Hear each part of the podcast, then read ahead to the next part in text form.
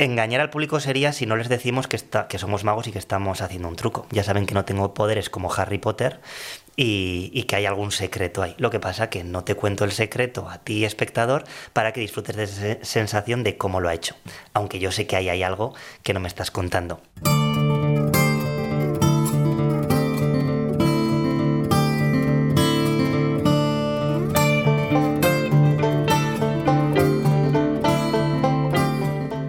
En Estamos Dentro nos recibe un mago o un ilusionista, que vendría a ser lo mismo. Ilusionista, qué concepto tan bonito y tan necesario. Si somos capaces de no obsesionarnos buscando dónde está el truco, puede que recuperemos ese brillo que teníamos de pequeños en la mirada. Esa mirada de quien no necesita una explicación. Esa mirada de quien simplemente se deja llevar. ¿Os venís? Esto es Estamos Dentro, un podcast producido por Ulu Media para ITV Podcast. John Martija lleva los micrófonos y el mago Asier Kidam es quien pone la casa y puede que hasta la varita.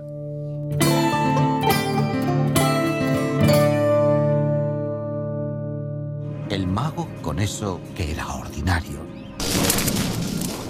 consigue hacer algo extraordinario.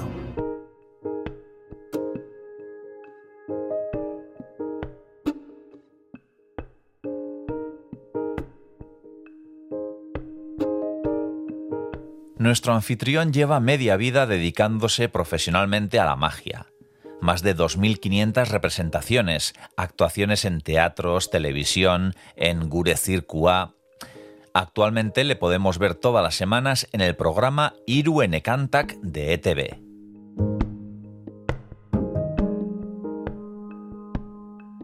Asier Kidam reside en Dentro de 150 metros, en la rotonda, en la rotonda, sal de la rotonda, dentro de 200 metros, en la rotonda, sal de la rotonda, en rotonda, rotonda, rotonda, rotonda. Efectivamente, en Rotonda Gasteiz. Has llegado. Kaixo. Kaixo, Asier. Opa. Txaldeon. Moduz, ondo? Ondo. Grabatzen ya zaude?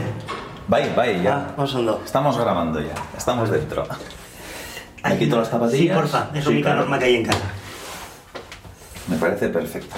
No es la primera casa en la que me, Te dicen... me dicen que me quite Ajá. el calzado. ¿Me enchondo? Ay, perfecto. Vale. Adelante. Bueno, donde Pues, tú me digas Sí, vamos para la sala. Hay así un choco, una mesa donde podamos... Mira, Vale. aquí por ejemplo, Sí, sí. iría ¿A ti bien. está bien? Dime qué Sí. necesitas. Nada, con una mesita y dos sillas para que estemos Vale. cómodamente. A ver si no nos molesta mucho el sol ahora. Bueno, Pues... chula casa, Sí, ¿no? para mí sí. ¿Y esto qué es? Esto es una chimenea Ahí va. de, de bioetanol. Entonces no tiene salida de, de humo ni nada. O sea, esto si lo ves no tiene agujero. Eh, esto es un hornillo que echas al- alcohol, le das fuego y sale una llamita y, y nada. En algunos bares ya y en la calle y bueno y en interior. ¿Da calor o es más estético que...? Un poco de las dos, no, pero da calor. O sea, para toda la casa no, pero está aquí la zona de la sala la templa un poco. En invierno Y en Vitoria es le da un plus. Sí, sí, sí, yo soy súper florero. Le da un- un- unos graditos así extra a la calefacción normal. Y sí. Bueno, oye, pues está, está chulo sobre todo. Sí. Luego ya lo del calor es importante, pero Sí. estéticamente es... Sí, sobre todo en invierno que oscurece antes y tal, tener ahí la llamita tiene su punto. Bueno, pues voy sacando los trastos.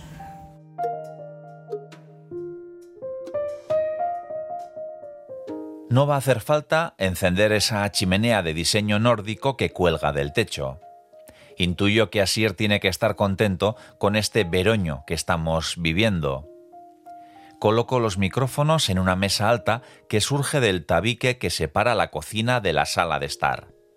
Presidiendo este espacio, un libro de magia de grandes proporciones colocado en un atril como si de una Biblia en una iglesia se tratara. Antes de empezar, comprobar que está todo en orden, grabando. Probamos Ah, un poquito sí. Uno, 2, 3, 4, 5, 6, va. Vale, perfecto, pues ya estamos con Asier Kidam, ladrón de Guevara, claro, como nombre artístico, ¿no? El apellido No cabía en los carteles. no, no funcionaba. Demasiado largo. Aunque lo del ladrón, entre comillas, ¿eh? con los magos que siempre tienen un Sí, sí, toque sí. en el que nos, como mínimo, nos, nos roban la inocencia. Bueno, es una coletilla así muy habitual de ¿eres mago? Voy a guardar la cartera, Sí. tal. Es una, y una cosa que escuchamos muy a menudo. Bueno, pues Asier Kidam, que ese, ese nombre artístico, ¿de dónde viene? Pues Kidam, ladrón de Guevara, ahora es un apellido que a mí me gusta, está bien, pero de niño no está tan chulo el apellido. Sí, al final Ah. esto del bullying, ¿no? Seguro que... Sí, bueno, no, no al punto del bullying, pero sí a pequeñas bromas y tal. Bueno, yo hubiese preferido un apellido un poco más neutro. Entonces, eh, eso, Kidam, uno de los espectáculos del Circo del Sol se llama Kidam. Sí. Uno de los espectáculos quizás más teatrales que, que han tenido. A mí me gustaba mucho y me gustaba cómo sonaba. Y de ahí lo cogí, lo escribí con, con K en vez de con Q.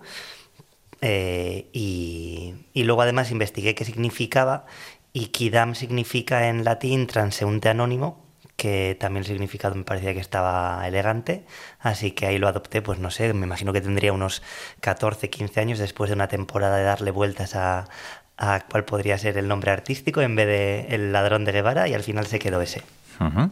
Resides en Vitoria-Gasteiz, en esta ciudad que casi por arte de magia se va expandiendo y de hecho Sí. eh, frente a tu edificio están haciendo nuevos edificios y, Sí. y parece que no va a tener fin la ciudad.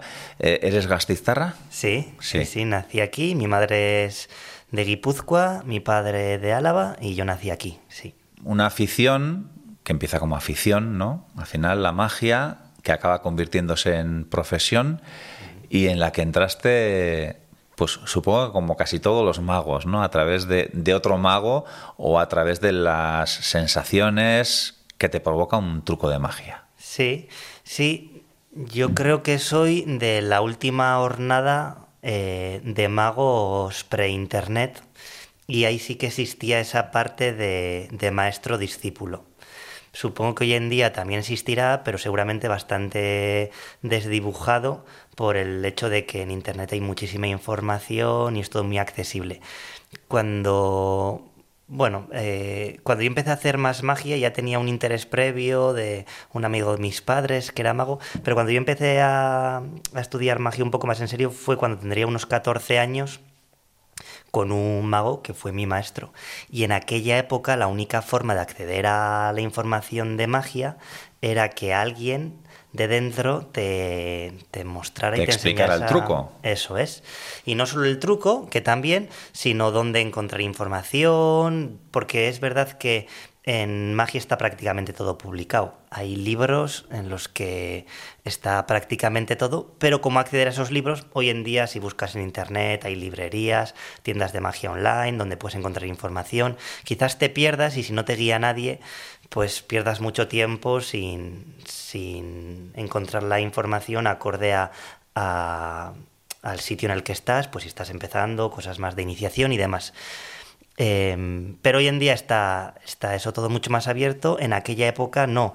Yo me acuerdo, por ejemplo, que mis padres, una de las cosas que me regalaron con 15 años, que me hizo muchísima ilusión, fue un viaje a Barcelona, un fin de semana, que, que fue para ir a una tienda de magia que había en Barcelona, muy, muy, muy mítica, y que, y que era la forma que yo tenía de entrar por primera vez en mi vida a una tienda de magia, de ver qué era aquello y, comprar materiales que utilizamos los magos y demás. Hoy en día con un clic casi hasta en Amazon tienes cosas de las que utilizamos los magos. Para mí ese romanticismo se ha perdido y yo estoy súper agradecido de haberlo podido vivir. En tantas y tantas cosas, ¿no? Se ha perdido pues ese, esa necesidad de investigar por tu cuenta, de buscar eh, lo analógico, ¿no? Eh, el ir a las tiendas, el tocar, el preguntar. Ahora ya en esto también, como decías, bueno, pues hasta en Amazon encontramos los trucos. Sí, sí, sí. eh, hay, materiales, a veces los magos, no estoy desvelando ningún secreto, si digo que los magos a veces utilimo- utilizamos cosas trucadas. Eh, Pues esas cosas sí, hoy en día está en Amazon se pueden encontrar. Y también lo que se ha perdido, para mi, a mi modo de verlo, es el ritmo eh, más lento que había antes. Ahora mismo yo veo a, magos que empiezan que claro, prácticamente de una semana para otra ya están preparando juegos nuevos y porque tienen material, tienen más información. Antes te tenías un libro de magia y no tenías más, entonces una vez que lo habías estudiado, pues a falta de otro libro lo reestudiabas. Entonces el nivel de profundización que había probablemente en general era más profundo, no porque quisieras, sino porque no te quedaba otra. ¿Qué decían los aitas cuando su hijo les dice, quiero ser mago? Bueno, en ese sentido me lo han puesto muy fácil. Yo en realidad creo que en la vida prácticamente todo, eh, lo he tenido fácil y esa es una de ellas. Una de las cosas que dicen muchos artistas es de mis comienzos fueron muy complicados, estuve casi de vagabundo buscando mis primeros trabajos. Bueno, pues yo en ese sentido lo he tenido fácil, también en el apoyo en casa y bueno, mi aitona por parte de madre eh, fue un artista frustrado, trabajaba en, en un negocio familiar, pero él era músico, artesano, bueno, de hecho fue, era Fernando Buenaga y fue el autor de la canción Easy Lizzy Dago. y, y, entonces eh, mi aitona a, a mi madre y mis tíos les transmitió que vivieran de lo que les gustaba.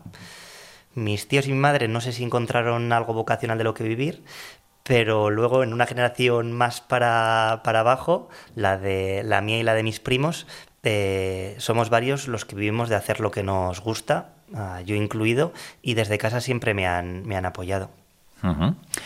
Bueno, esa era en la que tenías que encontrar un maestro. ¿Quién fue ese maestro? Y no sé si costó encontrarlo. Ha habido más de uno. El primero fue José Ángel Suárez, que hoy en día es el presidente y el director de. Presidente, más que presidente, director. El director de Magia al Día, un festival muy uh -huh. potente que se hace en Vitoria. José Ángel eh, enseñaba o era el profesor de unos cursos de magia que había y aunque en principio era para mayores de 16 años, como conocía a mis padres, pues hizo ahí un pequeño truquito y con 14 años me aceptaron. Entonces ahí empecé, aunque yo ya había leído cosas y cositas así, el típico juego que te enseña alguien de la calle, muy sencillito con cartas, automático, matemático, pero con José Ángel ya empecé a aprender cosas más en serio y luego ahí se me abrió un abanico de otros maestros. En Vitoria había una tienda que todavía hoy en día existe, que es la Globería, y en su día el, el dueño de la Globería era Ladis, eh, uno de los magos más, más veteranos que hay en Vitoria, y y tanto José Ángel como Ladis, pues los primeros años de mi vida yo me los pasaba aprendiendo magia con ellos. Ladis tiene un punto romántico además porque la tienda era una tienda extraña en la globería que de cara al público tenía globos de todo tipo, pero luego en la trastienda fuera de la vista del, del, público en general, tenía pequeñas cosas de magia y libros de magia que él solo enseñaba al que ya había empezado a, a los a iniciados magia. ya. Eso es, eso es. Y además Ladis uh, tiene tiene un ojo de, bueno, si es de cristal o de metraquilato o bueno. O de lo que sean los ojos eso falsos. Es, eso es y, y, el pelo blanco y, y, era así, bueno, no sé, para mí... Parece un personaje de película casi. Por ¿eh? eso te lo cuento, yo con 15 años cuando conocí a Ladis, uh, para mí tenía un romanticismo que fuera mi maestro y bueno, uh, fue una experiencia muy chula y bueno, hoy en día es uno de mis grandes amigos y hoy en día compartimos más de igual a igual magia, pero cuando yo empecé, junto con José Ángel, fue uno de mis padrinos.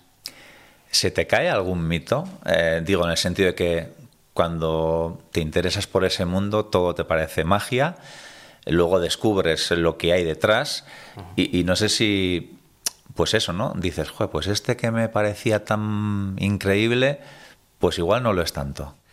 Pues no, no sé si, no te voy a responder quizás exactamente a tu pregunta, pero hubo un mago que yo me consideraba, eh, bueno, un chaval normal de 15 años, con los pies en la tierra, eh, informado para lo que éramos los chavales de aquella época.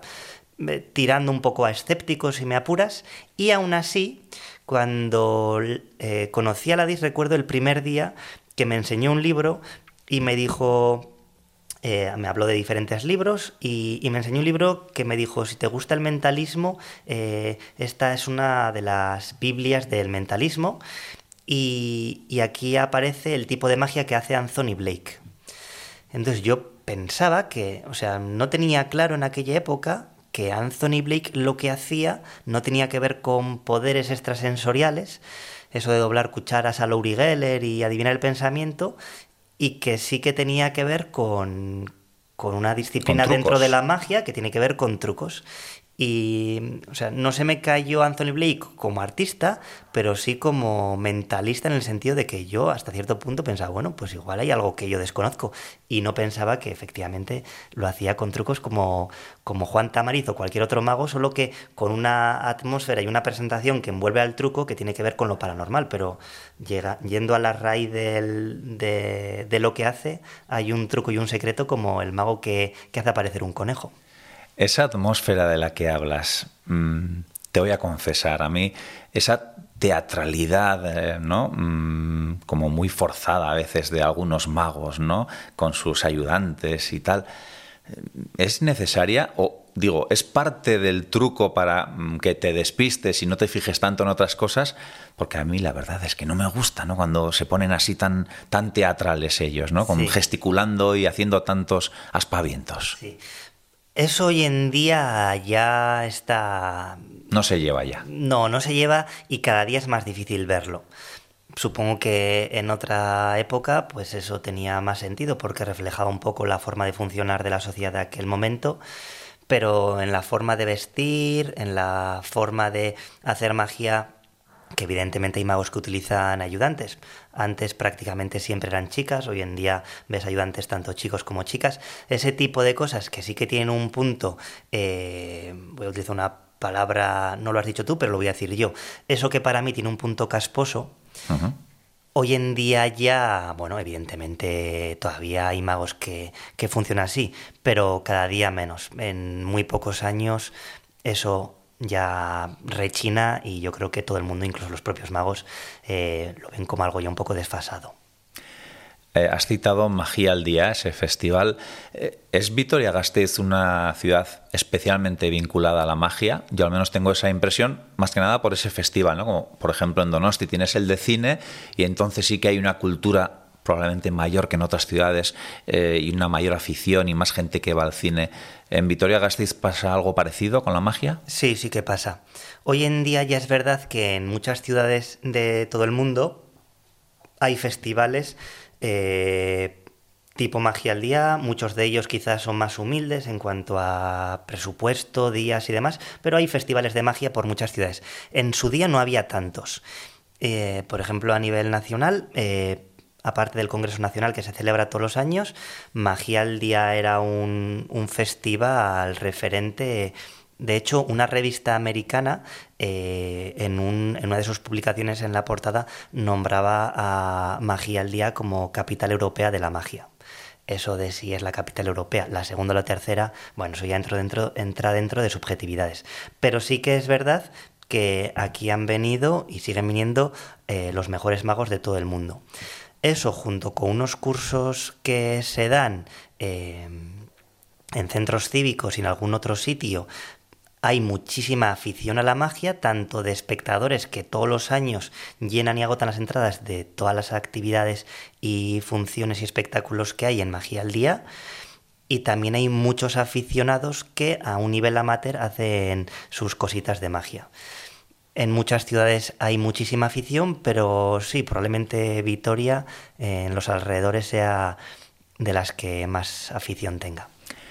En Magia al Día supongo que también es una fuente de inspiración o la posibilidad de ver en tu propia ciudad a, magos que seguramente admiras. Eh, ¿Te ocurre a ti todavía, mantienes algo de esa inocencia de, ver un truco y decir, me la ha colado. No sé cómo, pero me ha dejado con la boca abierta y, tengo que descubrir cómo lo ha hecho. Sí, es diferente saber cómo ha hecho algo un mago a saber hacerlo. Yo sé hacer unos cuantos juegos de magia, que son los que hago habitualmente.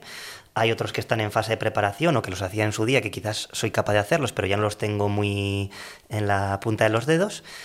Y esos son unos poquitos. Pero saber cómo otro mago ha hecho un juego de magia eh, es muy difícil. Cuando llevas ya unos años en esto, es muy difícil que otro mago te engañe. Porque o bien sabes qué cosas puede estar utilizando, por cómo se mueve, por cómo está utilizando las manos, por los elementos que está utilizando, etcétera. Y si no, incluso si no conoces eso, tienes ya una forma de pensar en cuanto a cómo lo ha hecho que, que es fácil llegar a la conclusión de, vale, ha tenido que ser así. Porque estamos como entrenados en eso porque es lo que hacemos. Como esta gente que está viendo las películas esperando ver a ver cuándo sale el romano con el reloj de muñeca y estas cosas, ¿no? Tal cual, que yo no lo vería en la vida porque bastante tengo que- conseguir la película. Que está viendo mm, los fallos, ¿no? Eso es. Entonces, para nosotros como magos eso es fácil. Entonces, yo es algo que agradezco muchísimo que alguien me engañe y me genere sensación, porque además creo que me hace mucho bien el hecho de recordar esa sensación que luego es la que yo voy a querer provocar en el público. Y sí que de forma puntual cualquier mago puede hacerte un juego de magia que te, quede que te deje con esa sensación. Para mí es algo que en Magia al Día efectivamente ocurre, pues al final vienen algunos de los mejores magos del mundo y de vez en cuando hay alguien que hace algo novedoso que todavía no está publicado o que tú no conoces y que está muy bien blindado a nivel psicológico para que sepas cómo lo ha hecho. Pero al hilo de esto te voy a contar que para mí uno, igual era una de las preguntas que iba después, pero bueno, yo me adelanto. Eh, uno de mis magos preferidos y de largo es un mago mentalista que se llama Derren Brown y en Inglaterra es un fenómeno de masas, es hiper, hiper, hiper conocido. Y yo he ido varias veces a ver a este mago a Inglaterra, a Londres, en su espectáculo que, que lo suele mover cada dos años, cambia de espectáculo. Y con él me ocurre que, a diferencia de con todos los magos, que o bien sabes cómo ha hecho más o menos todo, o, al- o salvo alguna pus- cosa puntual, sabes cómo ha hecho todo, con él me ocurre al revés, que salvo alguna cosa puntual que sé cómo la ha hecho, prácticamente durante todo su espectáculo estoy como un... Nosotros llamamos profanos. Ahora Harry Potter les llama muggles a los no iniciados. Nosotros, eh, los magos, cuando decimos eh, voy a probar esto con un profano, nos referimos a alguien que, que no es mago. Bueno, pues yo me siento como un profano viendo a Derren Brown en el sentido de que no tengo ni idea de cómo ha hecho prácticamente nada de su espectáculo. Y es una...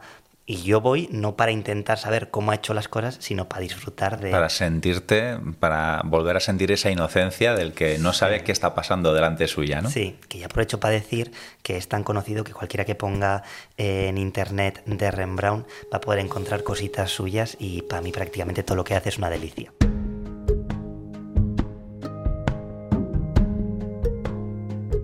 Resulta muy raro ver auténtica magia. Hablamos con Asier de esa teatralidad sobreactuada de algunos magos, con tintes en muchos casos machistas, que parece que ya es cosa del pasado. Pero hay otros personajes tradicionales del mundo de la magia que intuyo que, también por la evolución de la sociedad, puede que estén cayendo en desuso. Antes has citado el conejo. Mm, Creo yo que si pensamos en un truco de magia, o uno de los tres más tópicos sería el del conejo que se saca de la chistera. que prácticamente nadie ha visto en directo. Yo creo que lo he visto solo un, y mira que he visto horas y horas de magia y solo he visto una vez y ha sido en internet. Por eso, y, y ahora mismo estaba pensando yo, mm, pongamos los conejos, pongamos las palomas también, ¿se pueden utilizar animales ahora en trucos de magia? Digo, por esa ley de protección animal que, que por ejemplo, en los espectáculos circenses creo que ya no se pueden utilizar. No sé si, si pasa algo parecido con, Sí. con los conejos. Pues eh, no lo sé, si te soy sincero, yo nunca he utilizado animales por una cuestión, entre otras cosas, práctica. Si tienes una baraja, la dejas en el cajón, te vas una semana de vacaciones, vuelve y ahí está. Y si tienes palomas, pues hay que darles de comer, hay que limpiarlas, se ponen enfermas. Bueno, no sé, me parece que es todo mucho más engorroso. Antes sí que veía a magos que venían a hacer magia, por ejemplo, la magia al día con palomas. Lo del magia de hacer aparecer un conejo, como te decía, eso nunca lo he visto. Bueno, miento, sí que lo vi una vez, pero así como una cosa muy puntual. Eh, y los últimos años no, no lo he estado viendo. Yo no sé si es porque está prohibido o porque ya también, pues eso, no se lleva, ha pasado de moda y ya cada vez son menos los que actúan utilizando animales. Eh, me ha hecho gracia, entre comillas, bueno, viendo tu web, ¿no? Para, para informarme que queda bien claro que para tus espectáculos cuentas con un seguro de responsabilidad civil. No sé si es porque hay algún eh, truco de estos que partimos a alguien por la mitad y no vaya a ser que salga mal y tengamos que tirar mano del seguro. Sobre todo, sí, sobre todo creo que me tendría que proteger a mí porque con la, la que me he liado yo alguna vez ha sido a mí mismo. Sí. Ah, una anécdota estaba trabajando en una obra de teatro en la que yo hacía el personaje de un mago ruso, Vladimir Volkov, un personaje ficticio. Y bueno, en aquella obra de teatro, en vez de contratar a un actor y enseñarle magia, pensaron que, que era mejor contar con un mago y enseñarle un papel. Entonces, en ese papel, que bueno, a nivel actoral era muy sencillo, porque yo no soy actor, pero sí que hacía magia, una de las primeras magias que hacía bueno, prácticamente al salir al escenario era pinchar un globo con unas tijeras bien afiladas y largas de estas de oficina y del globo aparecía una botella. Pues fue en el Teatro de Zarauz y cuando fui a pinchar el globo, eh, yo no sé qué pasó, que estaba desconcentrado, nada más salir, o el caso es que me atravesé dos dedos y medio de lado a lado con las tijeras. Tuvimos que suspender la función en cuanto vi que aquello no era un simple pinchazo y que empezaba eso a sangrar con ganas. Y, y bueno, luego en la obra de teatro el resto de actores en plan cachondeo ya dejé de ser el mago y ya me empezaron a llamar el fakir.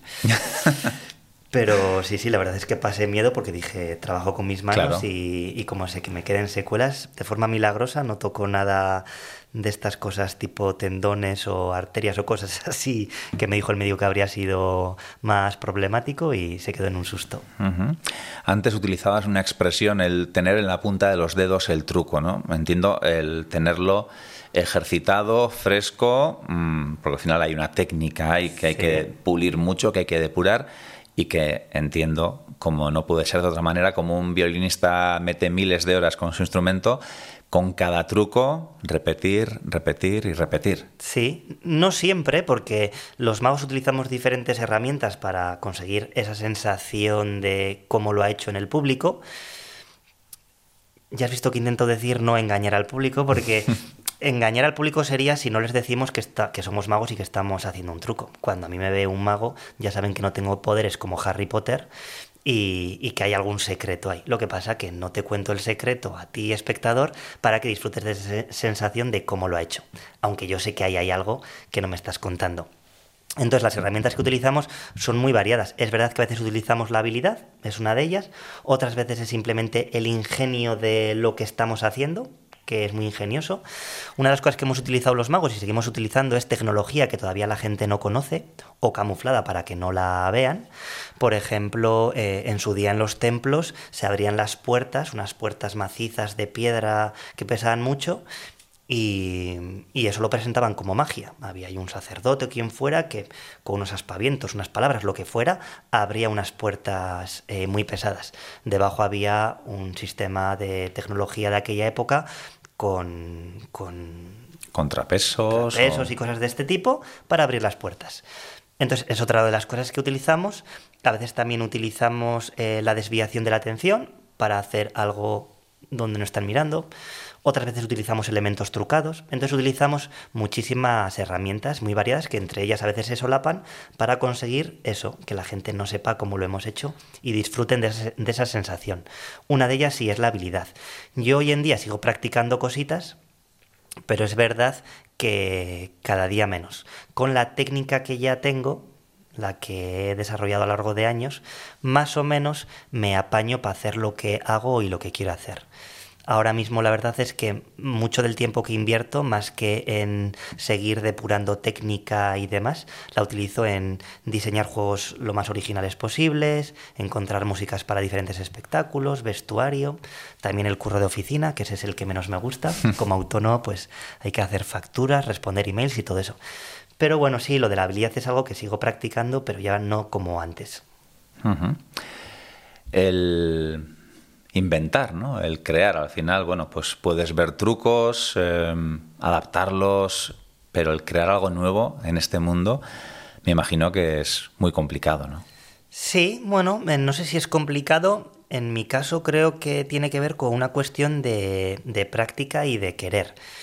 En su día hice un espectáculo, vino a verme un mago de Donosti, Aitor Marcel, llevaba muy poco tiempo actuando en, en, escenarios, bueno, ya lleva unos añitos, pero pocos.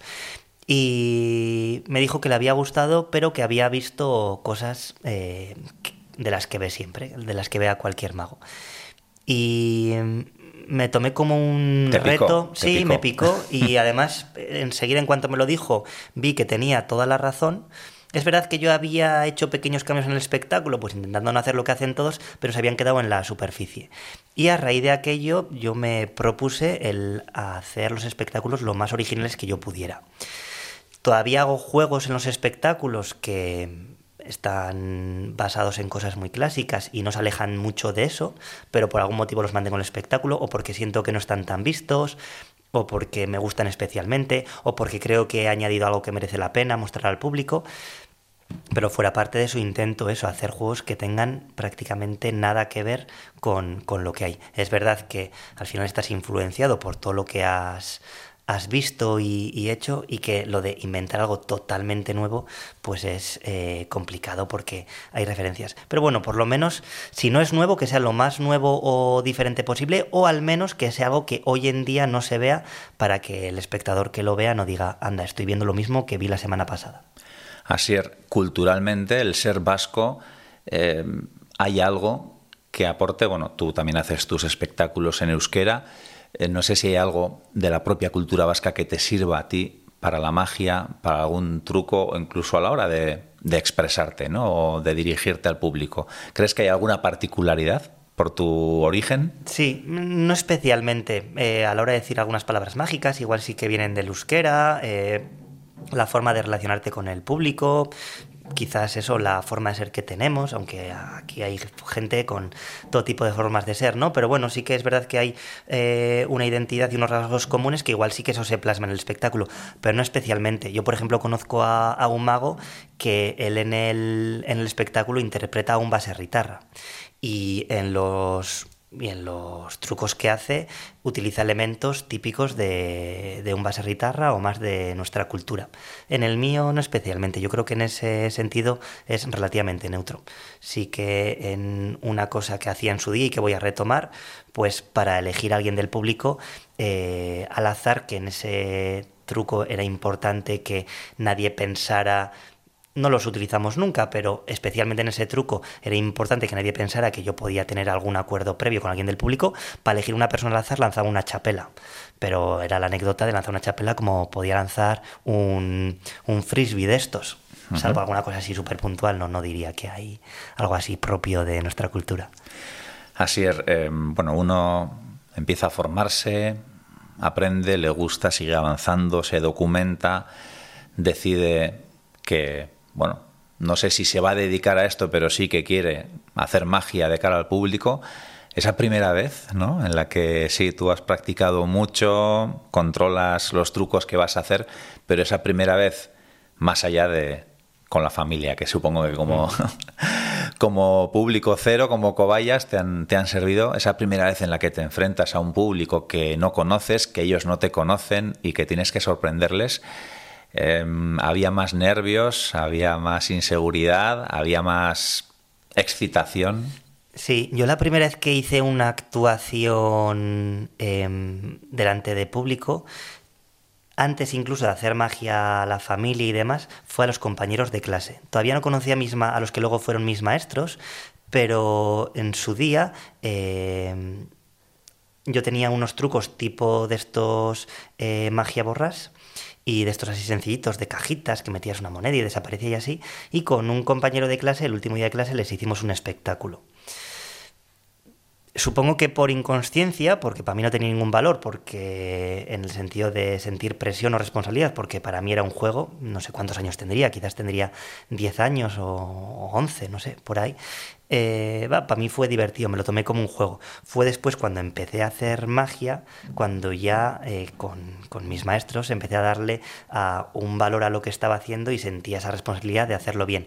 Pero fue muy, muy progresivo, porque cuando empezamos a hacer magia los magos, prácticamente todos empezamos haciendo magia de cerca, que es la magia que hacemos con cartas, monedas, cosas que se llevan encima. Entonces, antes de hacer un espectáculo, yo ya había hecho juegos puntuales, que a veces igual era solo un juego a mi hermano, o igual eran cinco juegos seguidos en la cena de Navidades. Entonces, no recuerdo una primera actuación, salvo esa previa eh, a los compañeros de clase, no recuerdo mi primera actuación formal. Sí que quizás uh, una sí que me está viniendo ahora en realidad fue después de un año eh, con, con, mi primer maestro, con José Ángel, el último día de clase también. Ahí sí que había un punto más profesional, más elaborado, sin ser yo profesional, pero sí que era un espectáculo más elaborado para, no ya para mis compañeros de clase, sino para los de todo el curso, que éramos cuatro clases. Y, y sí, recuerdo muchos nervios. Mira, ahora que lo dices, tengo el recuerdo de que cada vez que yo hacía una actuación de esas al principio, Luego me tiraba como 5 o 6 horas en casa, sentado en el sofá con el encefalograma o como se diga, plano. Porque me generaba tal presión y tan tensión que yo recuerdo que dos, tres días antes no podía hacer otra cosa que pensar en eso. Y lo que iba a hacer y cómo lo iba a hacer y cómo le iba a decir. Hoy en día es verdad que no todas las actuaciones son iguales porque hay veces que presento cosas nuevas o tal, pero cuando hago una actuación de las que hago habitualmente, antes de la actuación puedo estar tranquilamente hablando con cualquier persona y en un minuto empiezo, me subo al escenario y me pongo, sí que tengo ahí un puntito de tensión y de adrenalina, pero lo llevo bien. Pero en su día sí que es cierto que sí, ahora que lo estoy pensando, me suponía 3-4 días de estar prácticamente agotado solo por, por, la actuación que iba a hacer y unas horas después de hacerla. Y más allá de aquella vez en la que pasaste de mago a fakir, eh, alguna otra vez en la que te has quedado en blanco o, o, algún truco no ha salido bien, que también me imagino que hay que saber salir de esas. ¿no? Es decir, cuando no sale, pues hago como que es queriendo y retomo con otra cosa. Eh, habrá recursos también para eso, ¿no? Sí, muchas veces, muchas veces fallan cosas. Cuando vives de esto y estás todas las semanas actuando aquí y allá, eso lo normalizas.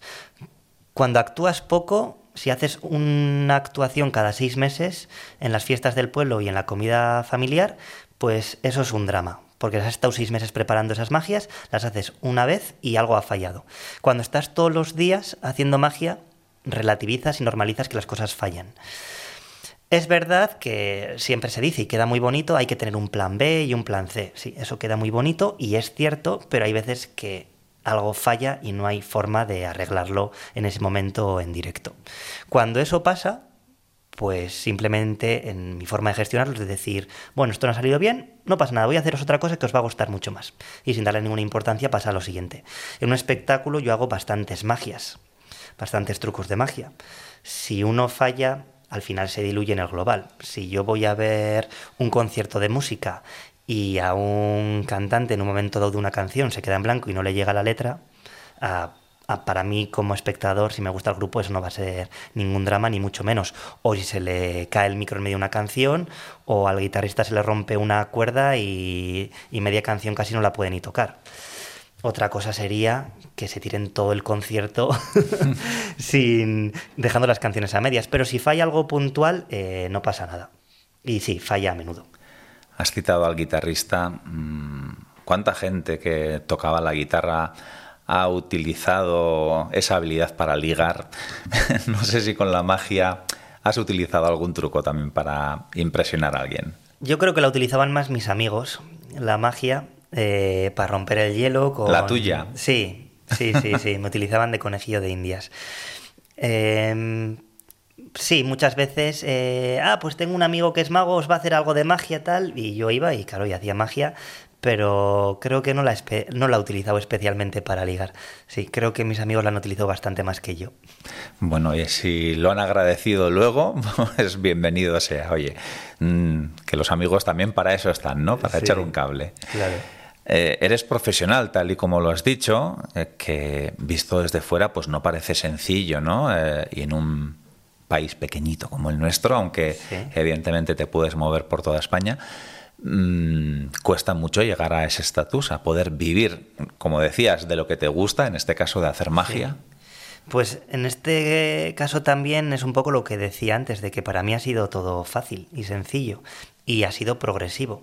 Yo cuando tenía 16, 17 años ya me contrataban para hacer actuaciones. No tenía página web, bueno, en aquella época sí que existía internet, aunque no estaba tan extendido como ahora, pero no tenía página web, ni redes sociales, ni, ni nada. Pero amigos de amigos, de repente para el cumpleaños de un amigo de mis padres, pues me contrataban para hacer un espectáculo.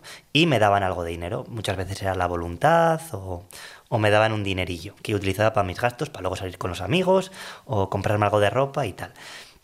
Llegó un momento que cada vez yo tenía más actuaciones sin buscarlas. Y cuando estudié un módulo, pues dije, mira, pues ahora o nunca. Y cuando decidí dar el paso, dedicarme profesionalmente a esto, ya prácticamente con las actuaciones que hacía en, en aquella época en la que yo era estudiante, ya casi podía vivir con una economía muy muy ajustada, pero en aquella época tampoco necesitaba mucho más. Así que la transición fue muy muy suave. No hubo ningún momento en el que dije, uff, qué difícil, voy a intentar dedicarme a esto, a ver si tengo trabajo. No, yo antes de tomar esa decisión ya tenía trabajo y ganaba un dinerillo. Ahora también tienes presencia televisiva más o menos estable y me imagino que eso de cara a proyectarte y, a que salgan bolos, que no sé si en magia también se llaman bolos, ¿no? Como en la música, me imagino que también ayuda. Sí, claro, sí, sí. Siempre salen cositas que durante un tiempo eh, te ponen más mm, en el escaparate. Por ejemplo, ahora sí, estoy saliendo en el programa N-Cantac y ahí todas las semanas hago un poquito de magia. Antes de N-Cantac, los últimos cuatro años he estado en Gure Circua. También eso lo ha visto muchísima gente en Euskal Herria y ha sido un escaparate muy chulo, aparte de lo que he disfrutado de, estar ahí eh, trabajando y actuando en el circo.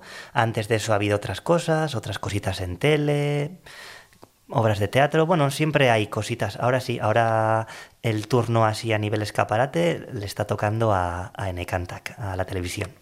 Citabas Gure Circua del gran Iker Galarza, ¿no? que tenía esa idea romántica de montar un circo en euskera eh, y moverlo por Euskadi y, la ha llevado adelante y por lo que vemos va muy bien, ¿no? Al menos tiene muchas actuaciones y va mucha gente. Eso también, ¿no? El actuar mm, dentro de, ese mundo tan especial que es el del circo tiene que ser bonito, ¿no?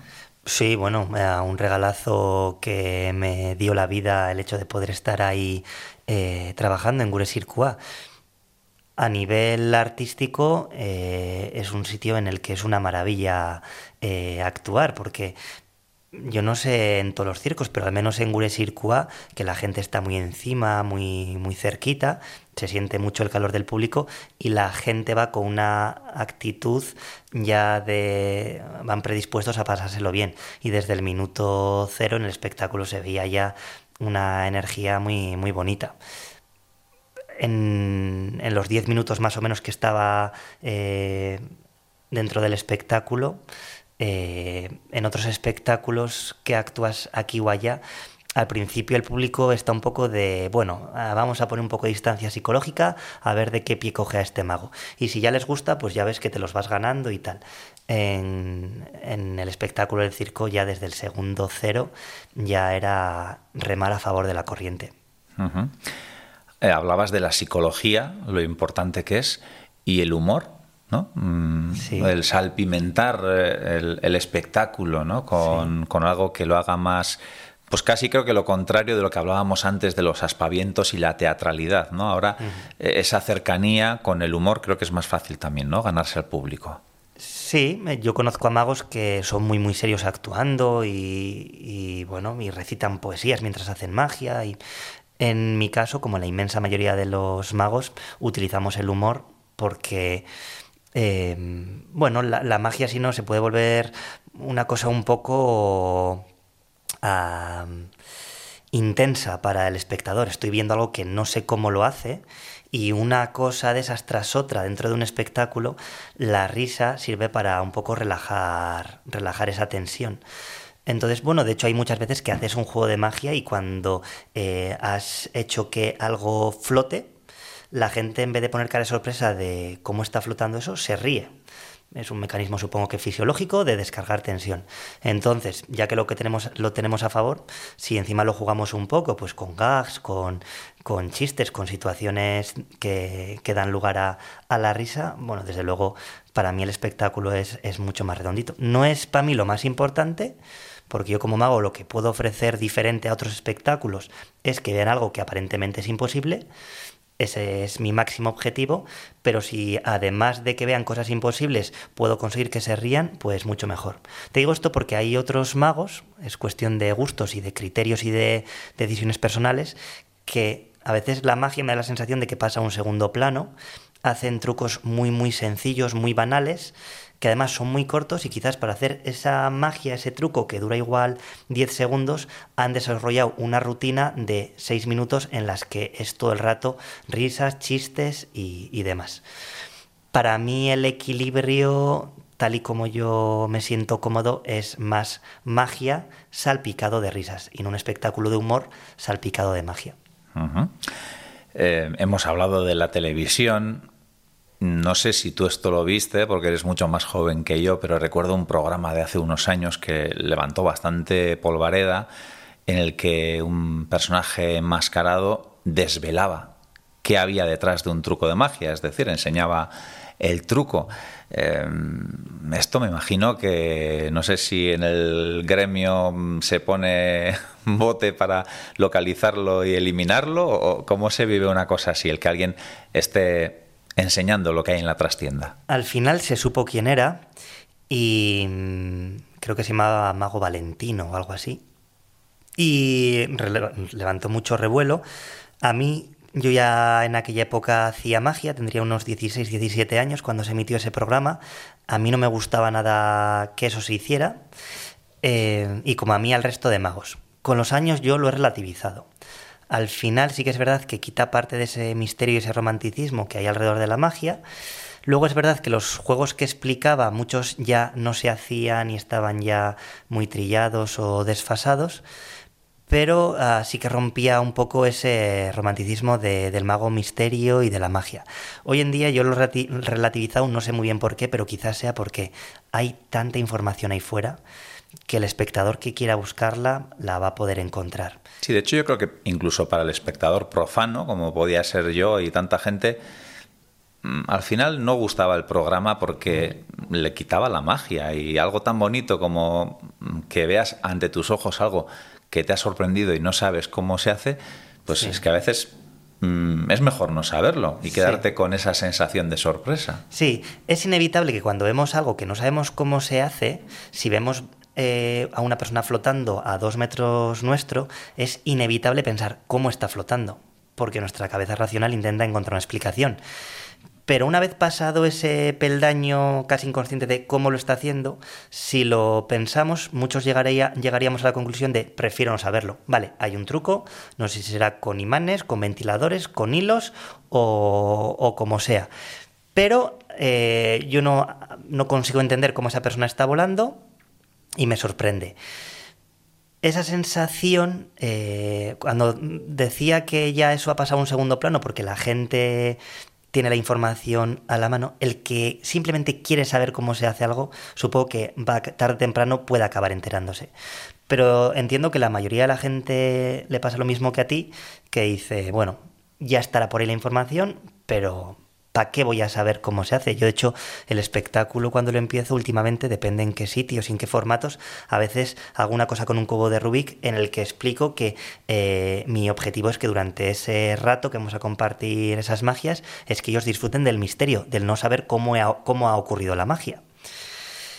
Así que, porque eso, es la forma que hay de disfrutar un espectáculo de magia. Así que mi responsabilidad es hacerlo lo suficientemente bien para que ellos disfruten de eso, pero me lo ponen más fácil si ellos ponen un poco de su parte pensando, vale, va a haber una parte de mí que va a querer saber cómo se ha hecho, pero tampoco me voy a obsesionar, voy a disfrutar precisamente de eso que me están ofreciendo. Dejarse llevar, ¿no? Por el espectáculo es. y por la magia.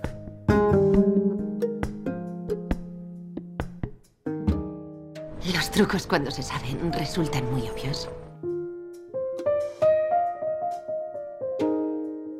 A cinco minutos andando de su casa, Asier Kidam tiene su espacio de trabajo, el taller donde elabora sus trucos, donde surge la magia. Eso es, aquí es donde guardo mis cosas de magia y vengo a ensayar y guardo todas las historias.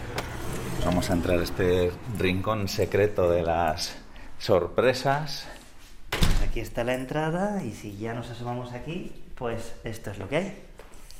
Bueno, que es un espacio diáfano donde yo ensayo como si fuera una especie de teatro, sin, sin butacas ni nada, solo que sería el escenario. Y en uno de los laterales, pues aquí ves todas las baldas con libros, cuerdas, pañuelos, cadenas, cosas de estas de mago. Hay trucos de Leroy Merlin, que una caja, lo de Merlin está bien traído, Sí, sí, sí.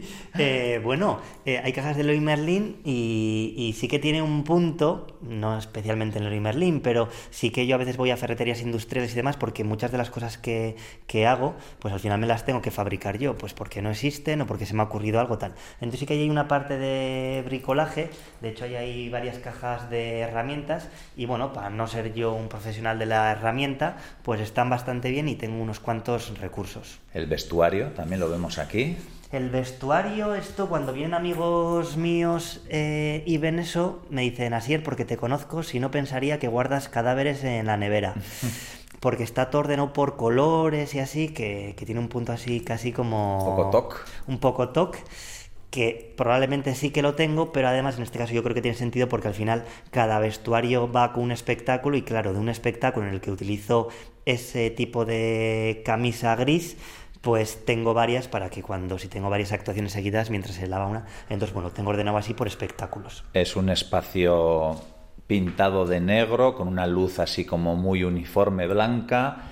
Eh, es importante también eh, que se vea bien y no sé si te grabas a la hora de, de probar los, los trucos para ver en Sí. cámara si dan bien o si se ve algo que no tendría que Sí, verse. ahí hay un espejo grande y ahí sí que de forma puntual miro alguna cosa, pero la referencia no es igual, es mucho mejor la de la cámara. Entonces a veces sí me grabo y, y luego chequeo en, en el ordenador cómo se ve desde fuera, movimientos, si se ve alguna trampa, si no se ve. Veo un cartel de Derren Brown ¿no? Sí. y, y otros magos. Algún, una entrada de David Copperfield. Sí, estuve También. viéndole en Las Vegas, un mago que pensaba yo, le vi hace, pues en el 2020 le vi, y pens- ya es bastante mayor y pensaba que igual iba a haber un mago un poco ya en horas bajas, pero que va, tenía un espectáculo impresionante, salí maravillado.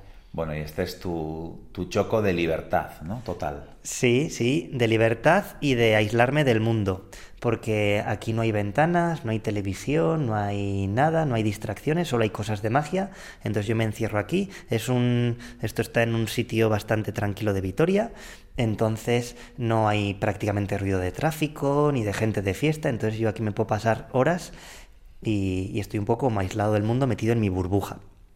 ¿Cuántas horas, más allá de que ya nos has dicho, ¿no? Que en tu trabajo hay que hacer facturas, hay que responder emails, pero bueno, en lo que es la, la práctica, el idear los trucos, ¿cuánto tiempo puedes dedicar al día? soy muy anárquico en cuanto a horarios y, y número de horas. Hay días que me pongo con algo y me puedo tirar 10 horas eh, eh, o casi hasta más eh, preparando algo y otras veces pues igual practico una dos horas y el resto de cosas estoy a, a las otras cosas que comentabas. Eh, depende, depende el día y la temporada y la época. E incluso me imagino que a veces llegarán WhatsApps o llamadas de así, venga, tira para casa. Sí, sí, sí. Eh, bueno, en ese sentido, eh, el- mi, mi pareja sabe que, que mi trabajo es un poco así y de momento no, no, me, no me pasa lista. Eh, ella entiende que hay veces que me obsesiono con algo, me meto en una idea y que me puedo tirar aquí horas y que, y que yo desaparezco hasta que, hasta que de repente digo, vale, ya está, ya he tenido suficiente por ahí.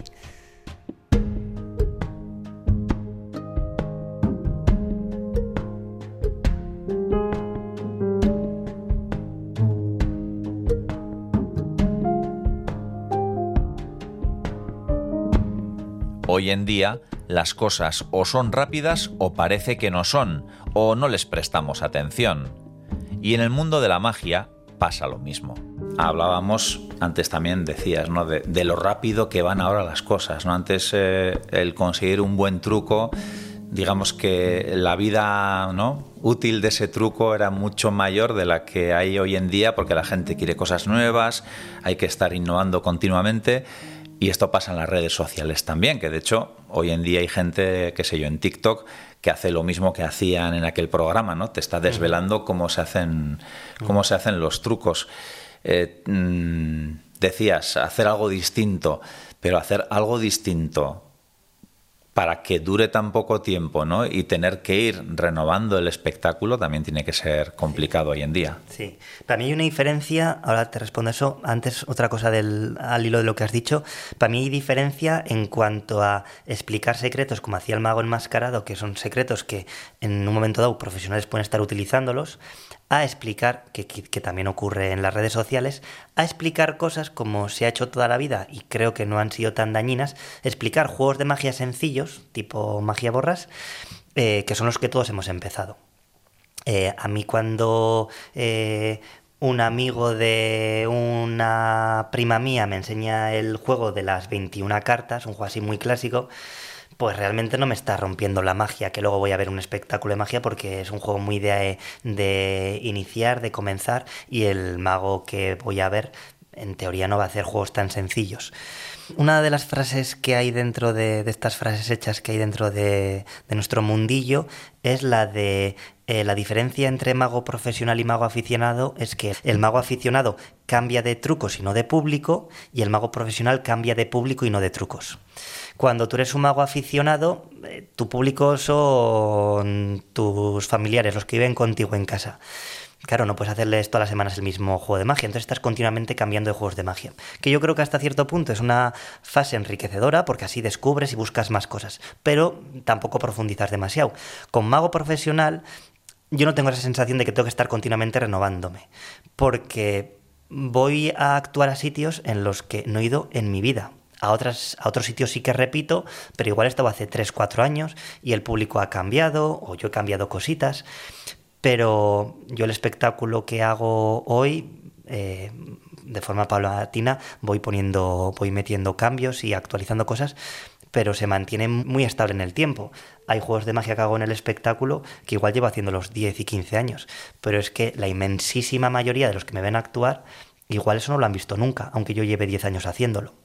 Así que no, no tengo sensación de que cambiemos tanto o que tengamos que cambiar tanto de truco. Y de hecho a mí me da muchísima pena cambiar algunos trucos porque he llegado a tal nivel de sentirme cómodo con ellos y de pulir detallitos que cuando empiezo un juego nuevo, nuevo sé que para llegar a eso eh, por mucho que practique en casa, al final el probarlo delante del público y el encontrarte en mil situaciones diferentes va madurando esa magia y, bueno, de vez en cuando meter cosas nuevas sí, pero, pero eso, que vayan poquito a poco para, para que vayan ahí ganando en matices. En la magia hay una, no sé si decir, una corriente, un tipo de truco, el tema este del escapismo, ¿no? que, que es como genera mm, tensión tensión, que a veces lo del seguro de responsabilidad civil ahí sí que eh, se habrá utilizado más de una vez. No sé si, si has practicado ese tipo de técnicas, si te atreverías. Eh, he hecho cositas de escapismo, eh, pero no al nivel de jugarme el pellejo estas cosas que hacía Harry Houdini, ¿no? El, exponente así más conocido por todos de, de, ese tipo de magia, de encerrarse con cadenas dentro de un baúl y lanzarlo al río y que si no sale a tiempo se ahoga y tal, eso no, no lo he hecho nunca. Muchas veces esas magias eh, son peligrosas y otras veces parecen peligrosas y quizás no lo son tanto, ¿no? Porque, bueno, al final tampoco tiene mucho sentido en una pieza artística jugarse realmente la vida. Quizás tenga más sentido que parezca que te estás jugando la vida eh, para generar esa tensión, pero no hacerlo como un kamikaze o un inconsciente. Cositas de, escapismo sí que he hecho y sigo haciendo en mis espectáculos. Sí que hay una cosa que hago, por ejemplo, no lo hago cuando actúo para público familiar o público infantil, pero en el espectáculo adulto sí que lo hago, que tiene que ver con unas cadenas que me, ah, me enrollo alrededor del cuello y pegan un tirón y supuestamente si eso sale mal, bueno, supuestamente no, si sale mal, pues me pueden hacer una avería en el cuello. Pero ahí hay una, un secreto que, bueno, eh, muy, muy, muy torpe tengo que ser para que realmente haya un accidente. Menos probable que en el día a día, cruzando una acera, te caiga un tiesto en la cabeza. O sea que es muy improbable. Y así es. Em, ese truco que no has conseguido hacer, o ese sueño que dices, bueno, mm, eh, sería feliz eh, o me sentiría ya totalmente realizado como mago profesional si pudiera hacer, ¿qué podría ser? Si es que existe. Pues mm, eh, no, no hay ningún truco que diga, ah, me encantaría hacer esto. Lo que el objetivo que yo busco y que momentos puntuales consigo, pero no al nivel que yo quiero y no con la frecuencia que yo quiero, es ese momento en el que la conexión con el público es absoluta y ves que todo fluye y no sé, es una sensación muy, muy especial. Mi objetivo, eh, más que buscar un truco imposible que todavía no me sale, es seguir puliendo los espectáculos que tengo, que muchas veces más que espectáculos son formatos. Eh, pues el formato que puedo hacer para adultos en, eh, yo le llamo eh, para mis propias explicaciones formato choco, que puede ser el que hago en una sociedad gastronómica o en un bar o en una cena de empresa, pero para un grupo de 20 o 30 adultos. Pues ese formato pulirlo para que a veces pueda conseguir, por no decir, bueno, el objetivo es conseguirlo siempre, esa atmósfera que yo he conseguido en esos formatos en momentos puntuales. Y eso a veces tiene que ver con el propio espacio, con cómo está el público y demás, pero también una gran parte de la responsabilidad es mía en cuanto a que el espectáculo esté afinado de forma impecable, en cuanto a la elección de trucos, que sean eso, lo más originales posibles, para que la gente disfrute de ver cosas diferentes, lo más blindados posibles a nivel psicológico, para que no haya ningún resquicio o los mínimos posibles de que alguien piense, y no sé cómo lo ha hecho, pero ahí me parece que con la mano estaba ocultando algo. Para que para ponerle fácil a ese espectador el conectar con el espectáculo y a mí a su vez con ellos.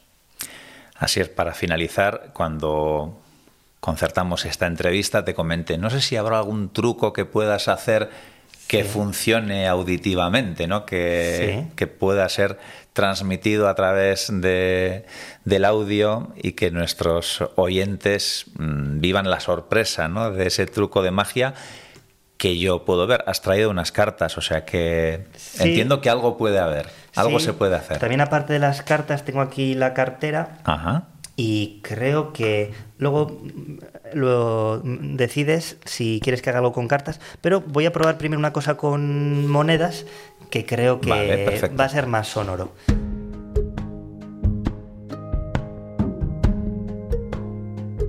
Abrid bien los oídos, que llega el truco. Mira, tengo aquí monedas, son monedas grandes, suenan yo creo que más bonitas que las que tenemos hoy en día. Eh, concretamente aquí tengo un par de peniques. Eh, te voy a pedir que pongas una mano así, tipo cuenquito, y te voy a poner un penique inglés eh, antiguo encima de tu mano. te voy a poner encima de ese penique, claro, la gente que nos esté escuchando tiene que, que saber que tú y yo no estamos compinchados, que lo que yo estoy narrando es lo que está ocurriendo. Espero que tengan fe en que aquí soy un espectador más, el único, encima privilegiado, pero que no sé lo que va a pasar ni tengo nada que ver con el truco. Genial. Aparte del penique que he puesto en tu mano, voy a poner encima un medio dólar de plata. Ah, puedes eh, hacerlo sonar si quieres ahí delante del, del micro para que se escuche bien en casa. Y voy a ponerte otra tercera moneda que va a ser otro penique. Y ahora te voy a pedir que con la otra mano los cubras así, las tres monedas, ¿vale? Tú tienes tres monedas y yo tengo una, un penique. Como solo tengo una, no suena, bueno, salvo que le dé así unos golpecitos, así, y suena un poco así sutil. Este momento en el que tú tienes tres monedas y yo tengo una es al instante al que vamos a volver enseguida y voy a pedirte que lo guardes así en, en, tu, en tu cabecita. Entonces, como ha pasado un poco de tiempo, te voy a pedir que muy despacito, muy despacito levantes esta mano. Sí, a ver, ahí está, sí. Y que se vea que están ahí, siguen las tres monedas. Sí, ¿verdad? las tres monedas vale. y el, la, el dólar, ¿no? El dólar que está en medio, entre los dos sí, como, un sándwich. Eso es. Entonces, ponlo de esta forma, cúbrelo con la mano de esta forma, para que yo simplemente pueda, levantas un poquito y simplemente voy a coger una moneda. No tengo nada en la mano, simplemente voy a coger una moneda y puedes volver a cerrar las manos. Ahora claramente tú tienes dos monedas y yo tengo otras dos monedas. Voy a yo Claramente también... yo no veo cuántas monedas tengo. Sí. Pero bueno, tendría que tener dos. Tendrías que tener dos, ¿verdad? Porque Claro. tenías tres y claramente Me has he quitado cogido una solo, sí. Eso es. Y, y yo tengo dos, que esas sí que las has visto. Sí. Pero si cierro la mano y chascamos los dedos, volvemos a ese instante que te había pedido que guardases en tu retina, en el que yo tenía solamente una moneda y puedes ver claramente que solo hay una moneda en mis manos y estoy remangado y no hay absolutamente nada. Y si tú levantas la mano, Si esa levanto mi mano- moneda que yo te he quitado vuelve a estar entre las tuyas. Tengo el sándwich con las tres monedas. Ajá. Pues sí, pues me la ha jugado. Y no tengo ni idea cómo, pero me da igual, porque he vivido un momento mágico y, y creo que es un cierre maravilloso para esta entrevista. Eso sí, las monedas se las queda así. Por, por si acaso.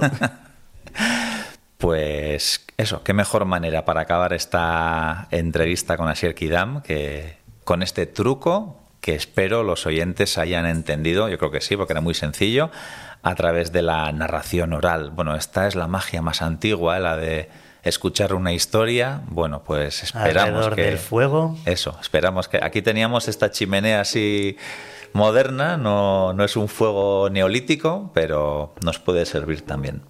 Asier, es que ricasco por recibirnos en tu casa, por ser el anfitrión de este capítulo de Estamos Dentro. Y nada, que te deseamos que sigas viviendo de lo que te gusta, ¿no? Que eso es un privilegio y un lujo absoluto. Es que ricasco Surillón, ha sido un auténtico placer y hasta cuando quieras.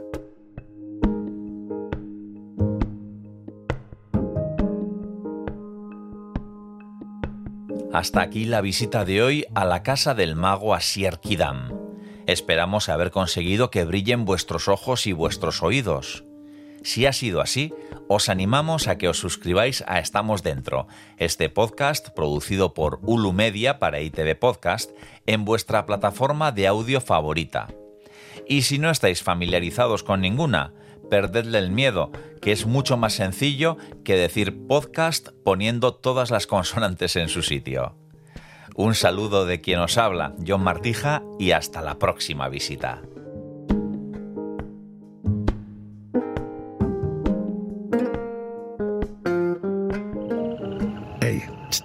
Entzun hori. Ulu Media.